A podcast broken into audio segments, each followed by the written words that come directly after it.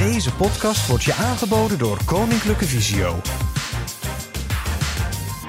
Geef me werk dat bij me past en ik hoef nooit meer te werken. is een uitspraak van de Chinese filosoof Confucius. Voor mij gaat deze spreuk wel op en uh, ik wil dat ook nastreven. Want ik doe werk dat me na aan het hart ligt en dat heb ik eigenlijk altijd wel zo gedaan. En ook het masseren, wat ik nu veel doe, dat, dat geeft me ook voldoening. En ik merk dat uh, cliënten daar ook veel baat bij hebben. Dus dat voelt ook niet altijd als werken. Uh, ik doe het met plezier. Maar tegelijkertijd merk ik ook dat ik variatie nodig heb uh, in mijn werk. En dat het ook belangrijk is. En dat heb ik vooral nu gemerkt in deze coronatijd. Want het maken van deze wekelijkse podcast, dat was veel werk, maar het was ook erg leuk om te doen. En ik gedij daarom toch het allerbeste bij afwisseling. En jij, Theo? Ja, ik herken me ook wel in, uh, in Confucius. Ik, ik doe nu ook eh, nou, heel leuk werk voor mij. Lekker creatief bezig zijn. En ik heb in het verleden ook wel nou, administratieve en functies richting marketing gehad. Wat me eigenlijk best afging. Maar waar ik best wel veel energie in moest stoppen. En nu ik dit doe, gaat ook wel heel veel energie. Maar het levert me ook zoveel op. Ja, aan de andere kant heeft dat dan ook weer als, als, als grote valkuil dat ik over mijn grenzen heen ga. Dus het is, uh, het is heel erg bewaken in het doen van wat ik leuk vind. En dan net niet over die grenzen heen gaan.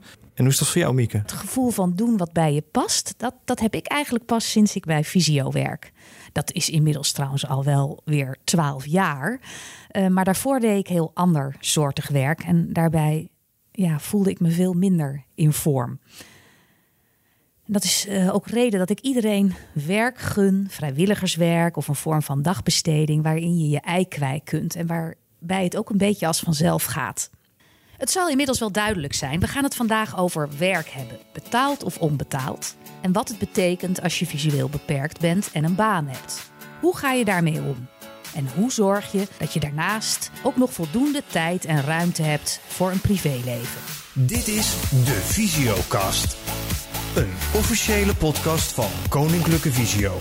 Het expertisecentrum voor mensen met een visuele beperking. In deze podcast kijken we naar wat wel kan.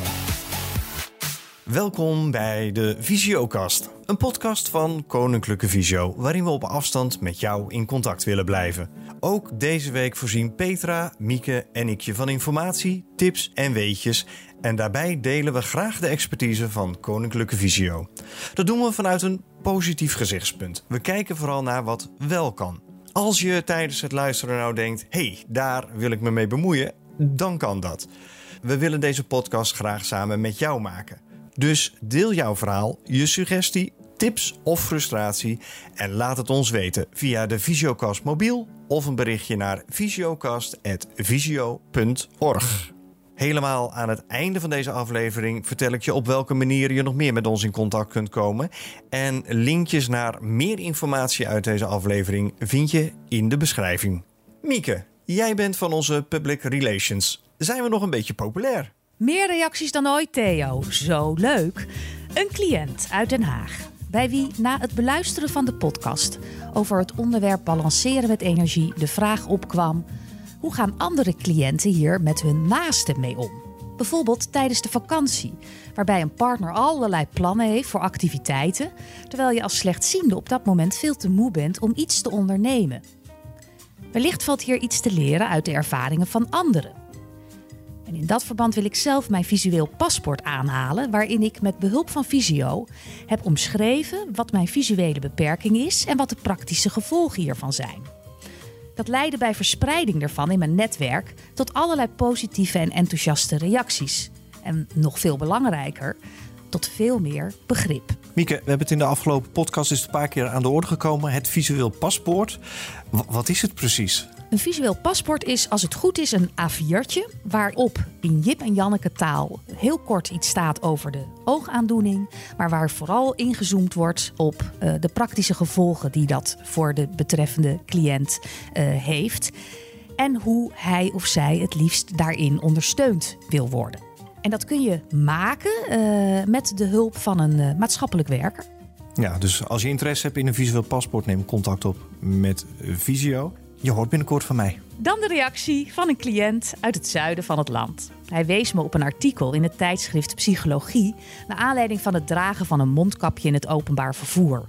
In dat artikel staat onder andere dat mensen emotielezers zijn. Nou, deze weken blijkt voor goedziende mensen op een wonderlijke manier hoe onmisbaar dat is, juist in die terloopse contacten op het perron of in de supermarkt. Want wat blijft er over van het vriendelijk knikje en de verontschuldigende glimlach als je elkaars gezicht maar half kunt zien? En wat gaat er verloren? Voor slechtziende en blinde mensen iets waar zij ook in niet-coronatijden mee te dealen hebben. Theo, jij wilde daar ook nog iets over zeggen, toch? Ja, ik, uh, ik ben hier vanochtend met de trein naartoe gekomen. En vorige week had ik nog heel veel schroom. Omdat ik moest voor de eerste keer zo'n mondkapje op. Uh, dat, dat was nu een stuk minder. Want voordat ik het wist had ik hem al mijn oren zitten. Maar wat mij opvalt, hè, want iedereen loopt met een mondkapje op. Ik dacht eigenlijk van nou, op mijn, de afstand waar ik mensen goed kan zien... heeft dat eigenlijk geen invloed op hoe ik dat beleef. Maar dat heeft het dus wel. Want ik zie niet dat mensen een mondkapje op hebben. Maar daardoor mis ik inderdaad wel zeg maar, het gezicht van mensen. Schijnbaar heeft dat dan toch hè, het zien van een neus en een mond. Dat triggert mij meer als een mondkapje wat daar dan toch in de weg zit. En dat gaf me een heel ongemakkelijk gevoel. Alsof ik naar een halve gezicht aan het kijken was zonder dat ik ze heel goed kon zien. Het werkt voor jou dus nog meer beperken. Ja, ja want ik weet ook niet of mensen naar, naar mij kijken. Of ze, die informatie die, die komt gewoon niet meer binnen. Het, het, het voelde heel onheimisch. Nou ja, het is, het is, het is vervreemdend. Het is echt vervreemdend. Want uh, jouw hersenen, die ogen, die, die, die maken die plaatjes. Dus jij, jij legt puzzels. Maar deze puzzelstuk ken je nog niet. Dat is toch ook zo'n uh, verhaal van die indianen... die dan het eerste schip hebben gezien en die dat niet konden herkennen. Dus jij herkent geen gezichten met mondkapjes. Dus het is een nieuw beeld. Dus het is heel vervreemdend. Ja, dus ik moet eigenlijk weer wennen aan het beeld. Aan het nieuwe beeld. Jouw hersenen zijn dat niet, die hebben dat nog niet ingeprogrammeerd. Nou, gaan we daarmee aan de slag. Ik ga verder met de reacties. Op de podcast van Kind en Jeugd hoorden we van de moeder van een kleuter, die Lisanne van vijf jaar hoorde vertellen over haar ervaringen, dat ze het fijn vond om te horen dat Lisanne ook liever niet slechtziend wilde zijn. Ten slotte nog een bericht van het Beweegloket in Den Haag. Dat er op zaterdag 26 september 2020 in Lelystad een multisportdag georganiseerd wordt. Speciaal voor mensen met een visuele beperking. Meer informatie tref je aan in de beschrijving van deze visiokast. Theo, zijn jou nog bijzondere zaken ter oren gekomen? Jazeker. En niet alleen mijn oren zijn gespitst, ook die van onze luisteraars. Zo werden we geattendeerd op de podcast De Weerman van Peter Kuipers-Munneke en Fleur Wallenburg. Ik vind het wisselvallig, Peter. Ja, is toch even wennen na zo'n hele lange, droge periode. En moet jij eens raden wie er na de droogste lente ooit gemeten in de regen op de Wadden zat? Uh, jij? Ja, precies. En, en wat mij nou echt verbaasde was, want ik wist natuurlijk al heel lang dat het wisselvallig zou gaan worden op mijn vakantie. Uh, dat, dat ik dan tegen vrienden en tegen collega's zei, nou we gaan naar Texel op vakantie. En dat iedereen dan tegen mij zei, joh, op de Wadden, daar waait het ook allemaal heel snel weer over, die buien. Ik, ik heb dat ook tegen jou gezegd. Ja. Is dat niet zo dan? Nee, nou ik wil je één ding vertellen, we zijn echt zeker niet gespaard. Ik vind het een leuke, vrolijke serie podcast met een luchtige toon. En je steekt er op weergebied zeker iets van op. In de vorige aflevering meldde ik al dat Komt het zien deze week audiobeschrijving verzorgt bij een groot aantal online voorstellingen op Oerol. Maar er is meer voor alle Terschelling-liefhebbers. Want bij het Online Oerol Festival zijn ook gratis hele leuke filmpjes en podcasts over het eiland zelf met audiobeschrijving. Ga bijvoorbeeld op grote grazers-expeditie met de boswachter. Of geniet van een gekke duinen challenge. Maar heb je liever iets theatraals, dan kan dat ook. Bijvoorbeeld opera met zangers van het Nederlands Kamerkoor op het strand. Of een dans in de duinen. Alles is te volgen met audiobeschrijving van Komt het zien. De boswachter van Terschelling, Remy Hougé, een man met een woeste bos bruin haar in een stoere grijze schipperstrui, neemt ons mee naar de natuurgebieden Arjensduin en Eldorado op Terschelling. De film start met een prachtig natuurbeeld. Twee bruine wilde paarden staan rustig naast elkaar in een duingebied op een strook gras. Overal om hen heen waterplassen. Op de achtergrond zitten her en der meeuwen en andere watervogels op de plassen en daarachter een hoge rij zandduinen. Alles van Komt het zien is ook te beluisteren op de webbox. De zomer komt eraan. Een tijd van reizen, rust of juist actief zijn. En een periode waarin we onze blik verbreden. Er zijn diverse podcasts met reisverhalen. En ik pik de podcastserie Along with Annika eruit. Oké. Klaar. Ja. Moeder? Nou, heel veel plezier. En vooral een veilige terugreis. Wel. En daar gaan we dan met twee volle backpacks op de rug om de zijderoute te bereizen. De zijderoute, de zijderoute. Nou, wat is de zijderoute nou? De zijderoute is niet één route, maar meer een soort van verzamelnaam voor het netwerk van alsmaar wisselende handelroutes die de grote beschavingen van het oosten met het westen verbond. Al vanaf het begin van de eerste eeuw. Het waren routes die over de hoogste pieken gingen, door de meest verlaten woestijnen. En routes die de enige manier waren om kostbare handel naar het aangrenzende continent te verplaatsen. Handel waaronder bijvoorbeeld kostbare zijde. Annika van Beek neemt je in geluid mee op haar reizen. Ondertussen is ze aangekomen in Kirgizië. En als je meer een culturele reis wilt maken en je wilt verdiepen in de historie, dan wil ik je de podcast Geheugenissen aanbevelen. Dit is de geschiedenispodcast van de Universiteit Gent en wordt gemaakt door Julie van Booghuis. Ja, je kunt er letterlijk niet naast kijken wanneer je in Gent rondloopt. Je stapt nog maar van de trein en in het Sint-Pieterstation word je al aangekeken door metershoge uitvergrotingen van figuren uit het Lam Gods van de gebroeders van Eyck. In de cafés worden Van Eyck cocktails geserveerd. Elk zichzelf respecterend restaurant heeft wel een Van Eyck menu. En in de Van Eyck pop-up store kun je Van Eyck merchandise kopen. Dat 2020 Van Eyck-jaar is in Gent is wel duidelijk. Jan van Eyck was een genie dat een ware optische revolutie wist te ontketenen. Wat een kunsthistoricus als Maximiliaan Martens daarmee bedoelt, dat kun je pas ten volle begrijpen wanneer je van heel nabij naar enkele details uit de schilderijen van Van Eyck gaat kijken. En dankzij de geweldige website Closer to Van Eyck van Kik Irpa kan dat. Gewoon vanuit je luie zetel, op je tablet of op je laptop, terwijl je naar deze podcast luistert. Zoals je van ons gewend bent, vind je linkjes naar meer informatie over de genoemde podcast en de onderwerpen in de beschrijving.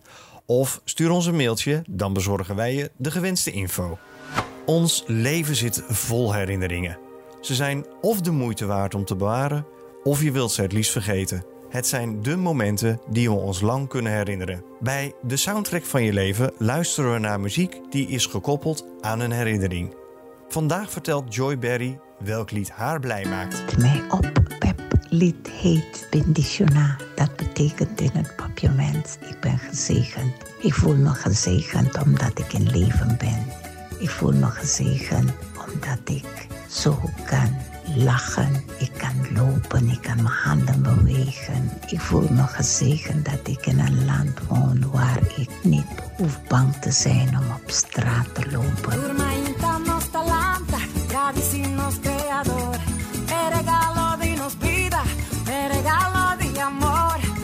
Sommige mensen denken, kan je zo blij rondlopen en je bent blind.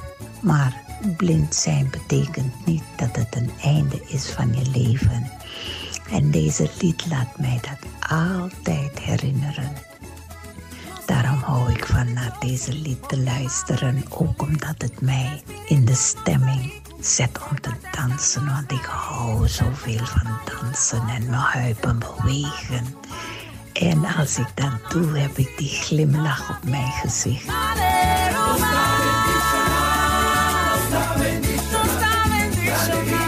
De Visiokast wordt je aangeboden door Koninklijke Visio. Al meer dan 200 jaar bieden wij zorg en geven wij aandacht aan blinden en slechtzienden. Dat doen we samen met zo'n 3000 collega's door heel Nederland. Visio ondersteunt mensen met een visuele beperking bij het leven van een zo zelfstandig mogelijk bestaan, samen met de mensen om hen heen. Wil je meer over ons weten? Surf dan naar visio.org.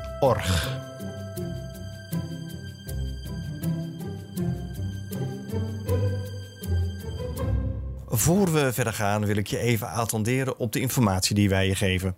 We nemen deze podcast op 18 juni 2020 op en gebruiken de actuele informatie. Maar de ontwikkelingen rondom corona gaan snel en het kan dus zijn dat als je dit luistert, we oude of herroepen informatie geven. Informeer je dus goed over de actuele maatregelen. Het woord werk klinkt voor de meeste mensen vertrouwd. De een gaat dagelijks naar zijn werk, een ander baalt ervan, een derde maakt carrière op haar werk en na het werk heb je vrije tijd. Kortom, ik durf te beweren dat veel van onze maatschappij is gevormd rondom het werkwoord werken. Werk is belangrijk.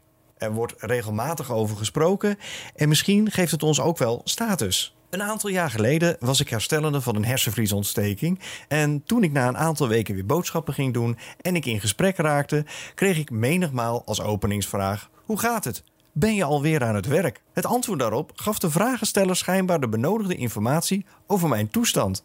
Werken heeft natuurlijk ook een praktische kant, want het levert ons iets op. Naast salaris zorgt het ook voor verbinding met collega's en werk je samen aan het doel van de organisatie. Werk geeft je vaak het gevoel nuttig te zijn. Werken met een visuele beperking is niet onmogelijk, maar er spelen wel wat factoren een rol om aan het werk te gaan. De arbeidsparticipatie van slechtziende en blinde mensen in Nederland is zeer laag en ligt naar schatting onder de 20 over werken met een visuele beperking en aan werk komen praat ik met Jackie Nicholson. Zij is adviseur arbeid en loopbaancoach bij Koninklijke Visio. In de wandelgangen noemen we haar afdeling arbeid. Dus vraag ik haar als eerste wat ze daar precies doen. Wat doet arbeid niet, kan je beter zeggen. Arbeid is een uh, heel breed begrip. En als adviseur dan uh, doe je zo'n beetje alles wat met arbeid te maken heeft. We begeleiden bijvoorbeeld verschillende trajecten geven advies aan cliënten, maar ook aan werkgevers, bedrijfartsen, arbodiensten of andere instanties. Deze trajecten kunnen onder andere bestaan uit preventie, interventies, begeleiden bijvoorbeeld bij ziekte en uitval. Maar we helpen ook bij het vinden van een passende functie die soms op maat aangepast moet worden. Of we zoeken soms compleet naar een hele andere baan. Ook initiëren we verschillende onderzoeken om het visueel functioneren in kaart te brengen. En die vertalen we dan weer naar de praktijk. Denk bijvoorbeeld aan een werkplekonderzoek. Daarbij richten we ons op inrichting, verlichting, maar ook natuurlijk het ICT-stuk. We geven dan advies passend bij de visuele beperking of visuele klachten en dan richten we die naar eh, de behoefte in. Ook samen met de cliënt geef ik bijvoorbeeld presentaties op de werkvloer over wat de beperking inhoudt en wat dat nou betekent voor de omgeving. Soms is er enorm veel onbegrip namelijk op de werkvloer. Uh, en dan is het gewoon nodig om daar een, uh, een goed verhaal en beeld bij te brengen. Blijkt bijvoorbeeld dan ook weer je functie niet passend te zijn, omdat deze te belastend is geworden, dan hebben we ook loopbaantrajecten. En dan gaan we samen op zoek naar iets binnen de organisatie. En als het nodig is, gaan we ook naar buiten. Even kijken, wat doen we nog meer? Um, we hebben coachingstrajecten. Uh, bijvoorbeeld uh, coachingstrajecten op het gebied van belastbaarheid en werk. Om cliënten bijvoorbeeld meer inzicht te geven in hun eigen beperking eigen gedrag, hoe ga je daarmee om? En ook te zorgen dat ze dan binnen hun eigen werk grenzen leren bewaken. Dat klinkt als een hele drukke en veelzijdige functie. Jullie proberen dus werknemers en werkgevers zoveel mogelijk te begeleiden om aan het werk te blijven en om aan het werk te gaan. Maar wat gebeurt er als het je niet meer lukt om je werk uit te voeren? Wat zijn dan de opties? Ja, hele goede vraag. Dat kan natuurlijk ook zo zijn. Dat inderdaad, ondanks al die hulpmiddelen, voorzieningen, aanpassingen en juiste functie, de koek gewoonweg op is.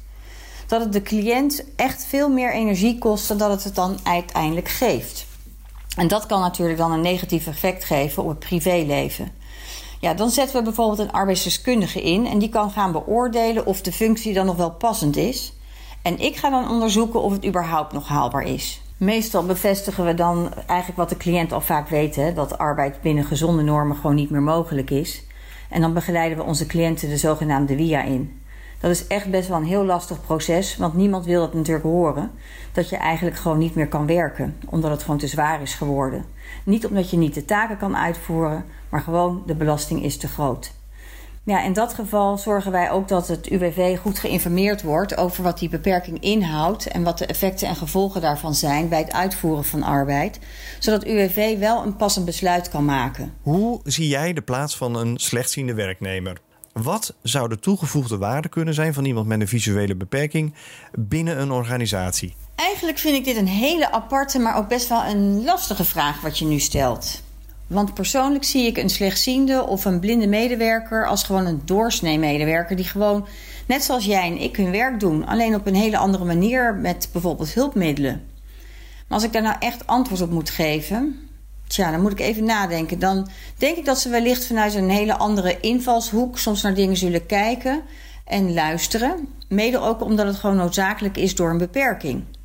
Ik denk ook dat ze vaker creatiever zullen zijn, omdat ze dagelijks letterlijk en figuurlijk met obstakels te maken hebben.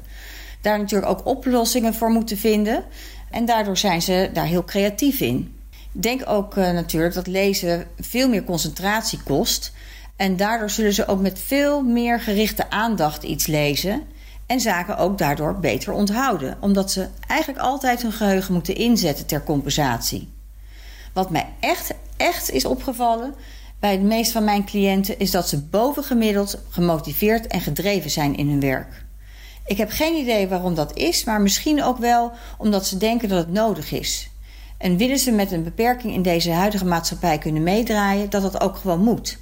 Dus als je op die manier er naar kijkt, zijn ze als medewerker ja, echt wel een aanwinst voor een organisatie. En wat mij betreft, voor mij als collega, ook een verrijking. Want ik denk ook echt dat we veel van hun kunnen leren. Wil je meer weten over de mogelijkheden en het werk dat Jackie en haar collega's doen? Surf dan naar visio.org/werken of klik op de link in de beschrijving. Koninklijke Visio wil graag meedenken in wat wel kan. Veel blinde en slechtziende cliënten ontdekken nieuwe mogelijkheden of herontdekken oude talenten. Samen maken we meedoen mogelijk. Elke week vertelt een cliënt over het leven met zijn of haar beperking en het denken in mogelijkheden. Dit keer is het de beurt aan Jan Pas, die decaan is op een school voor het voortgezet onderwijs. Maar op het moment van het interview verwikkeld is in een verhuizing. Mijn naam is Jan Pas. Ik ben 49 jaar en uh, sinds mijn geboorte heb ik oculocutaan albinisme. Daardoor heb ik uh, lichte huid en bijna witte haren. En een gezichtsvermogen dat ergens tussen de 7 en de 9 procent zit. Ja, dat is iets wat, uh, wat erfelijk is. Dus ook sinds mijn geboorte aanwezig. En daarom ben ik er zo mee ja, verweven geraakt en gewend geraakt... dat ik het niet meer als iets bijzonders ervaar... en redelijk mijn weg ermee heb weten te vinden. Ik ben um, nu 26 jaar lang werkzaam als docent en decaan in het voortgezet onderwijs. Ik heb na mijn middelbare schoolopleiding VWO uh, theologie gestudeerd in Leiden aan de universiteit. Ik ben in 1994 begonnen in uh, Rotterdam op een school waar ik nog steeds werk. En ik heb altijd met veel plezier les gegeven aan uh, voornamelijk wat oudere leerlingen van 16 tot 18 jaar meestal. En de afgelopen 17 jaar heb ik daar ook het decanaat van de Atheneumafdeling en sinds kort ook van de HAVO-afdeling op me genomen. Ik moet wel zeggen dat ik nu drie dagen per week werk. Sinds 2012 is dat. Ik ben een periode bij LOERF in revalidatie geweest. En dat heeft er alles mee te maken dat ik uh, zo rond mijn 40ste levensjaar ja, eigenlijk een beetje vastliep. Ik merkte toen dat ik te veel wilde doen. Um, dat ik meer op mijn uh, vork wilde nemen dan mijn vermogens um, eigenlijk mogelijk maakte. En ik heb moeten leren om, uh, laat ik zeggen, de tering naar de nering te zetten. Dus um, ja, drie dagen in de week is nu voor mij de balans. En daarmee uh, kan ik mijn werk redelijk goed doen. Maar heb ook nog tijd over energie om voor mijn thuis, mijn gezin, mijn vrouw en mijn kinderen er te zijn. Het is eigenlijk nauwelijks een taak te noemen in mijn werk waarin mijn visuele beperking geen rol speelt. Ik heb dat zo eens voor mezelf een rijtje gezet. Je kunt je dat voorstellen: het voorbereiden van je lessen, het zitten achter de computer, het tot je nemen van literatuur, uh, het lesgeven, het contact met leerlingen. Ik was nog even geneigd om te zeggen: als ik met leerlingen in gesprek ben, dan speelt het geen rol. Maar ook dat is niet waar, want een heel groot deel van de non-verbale communicatie die, uh, ja, die loop ik natuurlijk mis. Dus ook daar speelt mijn visuele beperking nadrukkelijk een rol. En het is vooral denk ik de les geweest dat ik leren moest om dat aan te geven. Ook om dat allereerst te ervaren, om dat mezelf te realiseren. Want uh, nou ja, tot mijn veertigste, misschien wat korter daarvoor, had ik echt het idee dat het nauwelijks um, een rol speelde. En ik moest me echt ervan bewust worden. Je kunt het niet vergelijken als je van kinds af aan er altijd mee vergroeid bent, dan is het niet zo dat je hè, een periode daarvoor en daarna dat je een vergelijking kunt maken en weet hoe zwaar en hoe belastend het eigenlijk is. Maar als je uh, ja, daarvan bewust wordt, moet je erkennen en ervaren en aanvaarden ook dat dat op praktisch alle terreinen van je werk een rol speelt. Ik ben in 2011 en 12 acht maanden bij Visio in revalidatie geweest, bij Loerf in Apeldoorn. En daarna nog een hele poos ambulant begeleid, ook door Leslie van Schijndel als ja, coach die mij bij de reïntegratie in mijn werk weer ja, begeleid heeft. Een spiegel voorgehouden telkens. En ehm, ik vind het lastig om dat in enkele woorden onder woorden te brengen, wat nu precies de verandering is.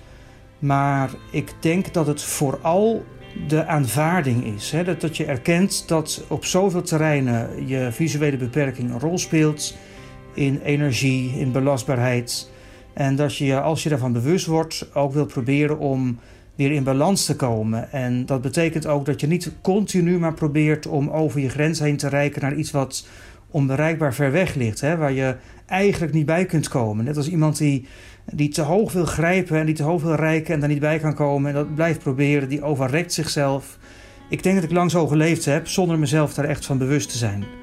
Verder heb ik ook uh, sinds de revalidatie in 2011 de taststok aanvaard. Ik zal eerlijk vertellen, het was een enorme hoge drempel, maar uiteindelijk heeft me dat wel heel veel opgeleverd. En sinds ik die tastok gebruik, uh, ervaar ik dat dat me wat uh, ontspanning, wat ontlasting geeft in het verkeer, in het lopen. Maar tegelijk ook een stuk herkenbaarheid in mijn omgeving om me heen.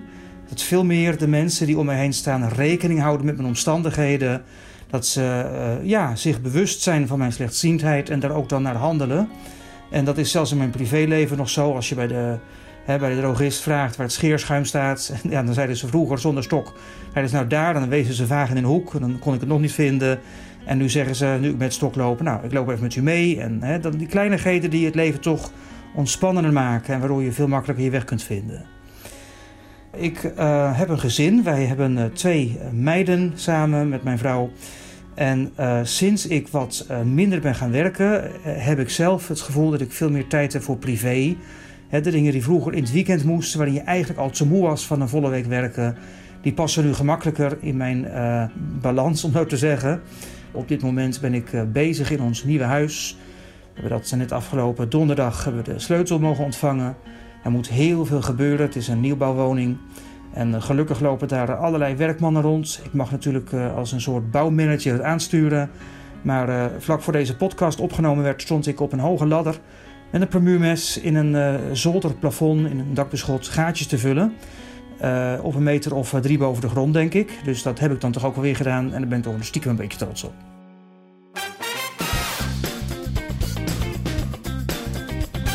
Je luistert naar de Visiocast. En deze week gaan de wist je datjes over arbeid. Petra, wat heb je van ons kunnen verzamelen? Ja, heel veel. Wist je dat de Dag van de Arbeid is ontstaan vanuit protest in 1890, tijdens de eerste georganiseerde Dag van de Arbeid, gaat een groot deel van de mensen in de Verenigde Staten en Europa de straat op voor de achtdurige werkdag, betere arbeidsvoorwaarden en het behoud van vrede. In de jaren hierna verwordt de Dag van de Arbeid tot een jaarlijkse terugkerende traditie. Wist je dat arbeid elke vorm is van lichamelijke en geestelijke inspanning voor jezelf en voor een ander? Het heeft economisch nut, sociaal nut, psychisch nut en werk geeft daarnaast ook nog een structuur. Allemaal zaken waar een mens over het algemeen zich prettig bij voelt.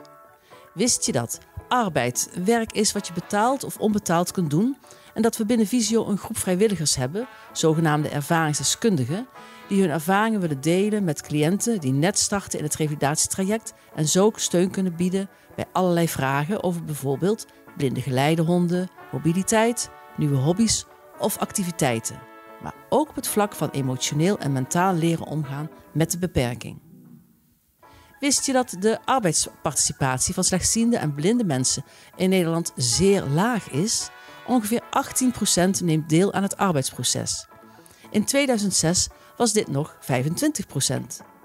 Dit ligt niet zozeer aan de motivatie van mensen met een visuele beperking, maar meer aan onvoldoende aansluiting en begeleiding vanuit onderwijs naar werk voor deze doelgroep. Ook het wegvallen van sociale werkplaatsen en te weinig expertise en ervaring bij de werkgevers, bedrijfsartsen, UWV en andere intermediairs bij deze doelgroep zijn hier debet aan.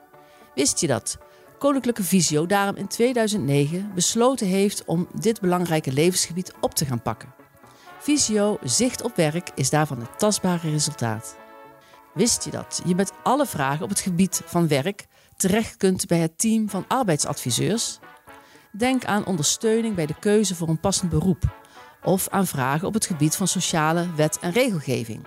En in het kader van bezwaar en beroepszaken en alle zaken waarin je denkt dat arbeidsdeskundig advies van toegevoegde waarde kan zijn. Wist je dat werken, betaald of onbetaald, ook gaat over zingeving en je talenten kunnen inzetten? Het gevoel hebben ertoe te doen. Er zijn heel veel cliënten die eigen werk creëren. Zo kennen we cliënten die boeken schrijven, een massagepraktijk zijn gestart, stand-up comedian zijn geworden of communicatieadviseur, maar ook coachingsbureaus komen veelvuldig voor. Wist je dat, nu we in coronatijd allemaal thuiswerken, dit voor veel mensen met een visuele beperking vaak een positieve ervaring is? Niet meer reizen met het openbaar vervoer, niet langer overprikkeld raken in overvolle kantoortuinen, zelf je tempo kunnen bepalen en rustmomenten inlassen wanneer dit nodig is.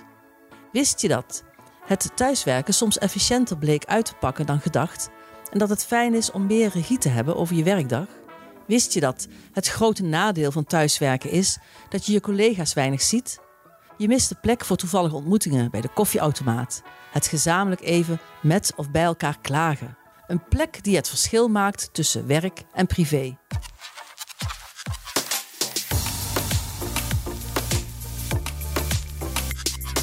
Naast het werken in loondienst is het natuurlijk ook mogelijk om voor jezelf te beginnen. Petra noemde dat net al. En er zijn best veel ondernemende visueel beperkten. Angèle Fontijn is slechtziend en bezig haar droom te verwezenlijken. Een eigen massagesalon. Hi, ik ben Angèle Fontijn. Ik ben 50 jaar. En ik ben moeder van een zoon van 17 jaar die net geslaagd is voor zijn eindexamen. Van huis uit ben ik medievist.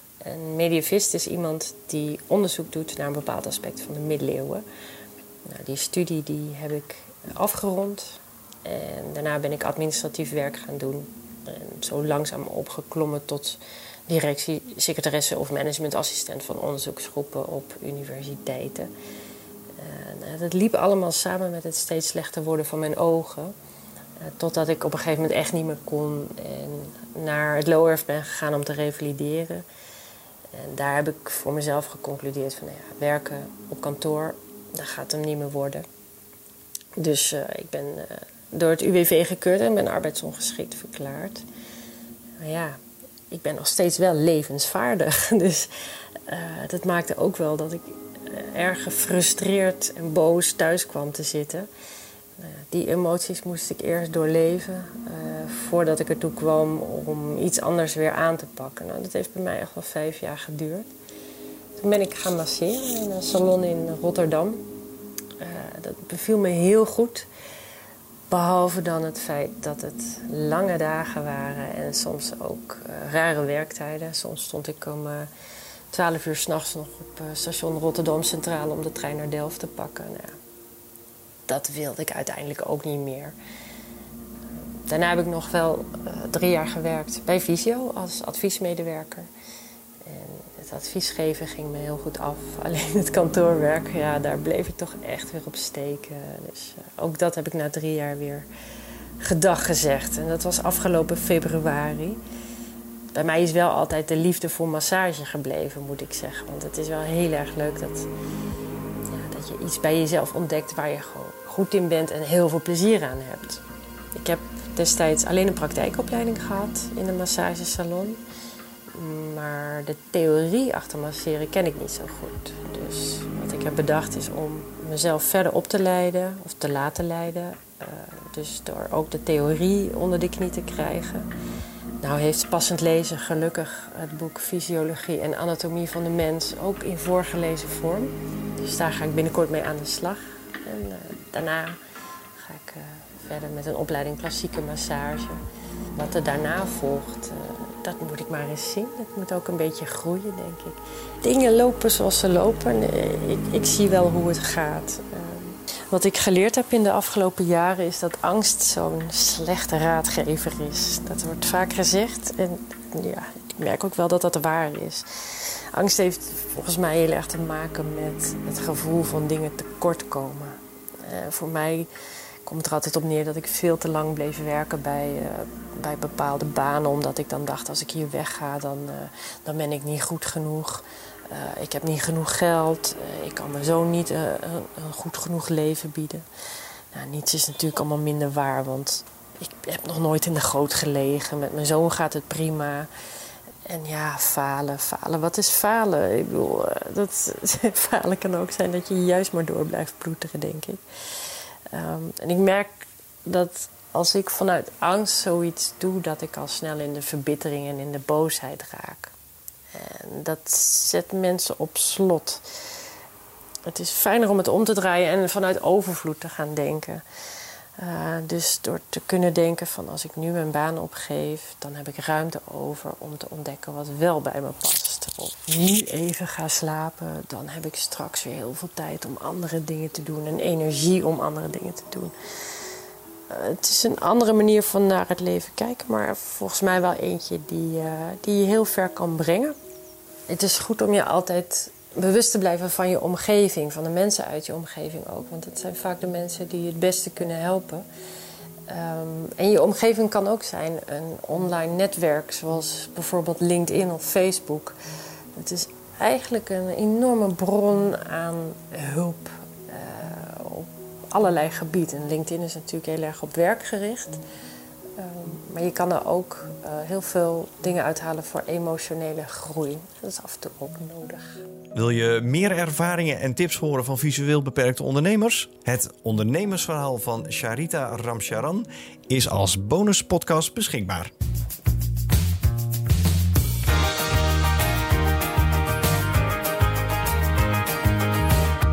En hoe nu verder? In ieder geval gaan we aanstaande zondag 21 juni met elkaar fietsen. Daarbij nog vergezeld door Edith Mulder van het Oogfonds. We gaan, zoals jullie inmiddels wel zullen weten, van Den Haag naar Utrecht. In totaal zo'n 75 kilometer. En we eindigen bij de Dom. We doen dit niet alleen omdat we dit zo leuk vinden, maar ook om hiermee geld in te zamelen voor het Oogfonds. Er staat inmiddels bijna 1400 euro op de teller. Maar dat mag wat ons betreft nog meer worden. Even los van deze barre tocht. Wat zijn verder jullie plannen? Nou ja, uh, ik, ik ben wel bezig hoor met die barre tocht. Want uh, uh, ik hou heel nauwlettend het weer in de gaten. En ik dacht eerst van, oh jee, zondag gaat het regenen. Kunnen we het niet naar een andere dag zetten? Maar ja, dat kan natuurlijk absoluut niet. Hè? Al die mensen die ons steunen en meeleven op, op zondag. Dus ja, regenpakken moeten we meenemen. Hè? En... Um, uh, banden, plakspullen. maar wat ik ook wel heel erg leuk vind, en, uh, want er wordt wel ontzettend meegeleefd, uh, dat onze collega Monique heeft aangeboden in Benthuizen dat we daar een stop mogen maken koffie met misschien wel iets lekkers erbij. Ja, als we dat nu vragen, ja. dan hoort het dan misschien nog op tijd. Ja, ja. Dus, uh, dus dat vind ik wel heel leuk. En uh, ik verheug me erop, en, maar het houdt me ook wel bezig. Ja. ja. inderdaad. Het is wel een dingetje. Het is wel een dingetje. Na, na zondag, zeg maar, dan, dan, gaat, dan gaat het leven weer verder. Dus los van deze barre tocht is de barre tocht wel heel belangrijk. Waar ben ik nog meer mee bezig? Nou, ik ben vooral met die barre tocht bezig, maar dan om te kijken. Hè, we, we hebben uh, toegezegd dat we een podcast willen gaan maken op de fiets. Omdat de barretocht alleen waarschijnlijk niet voldoende uitdaging was. Dus uh, er moet apparatuur mee. En ik ben aan het bedenken van hoe gaan we dat dan invullen. Hè, waar, waar, waar, gaan we het over hebben onderweg? Uh, doen we nog onderwerpen? Nou, uh, denk daar vooral in mee. En wat ik, 21 juni, waarom, waarom die dag? Nou, dat is de langste dag. En op voorgaande jaren werd daar blind voor één dag georganiseerd. Een actie van het Oogfonds waarbij ze geld op wilden halen. Hè, ook voor hetzelfde doel, doel om oogonderzoek door te laten gaan.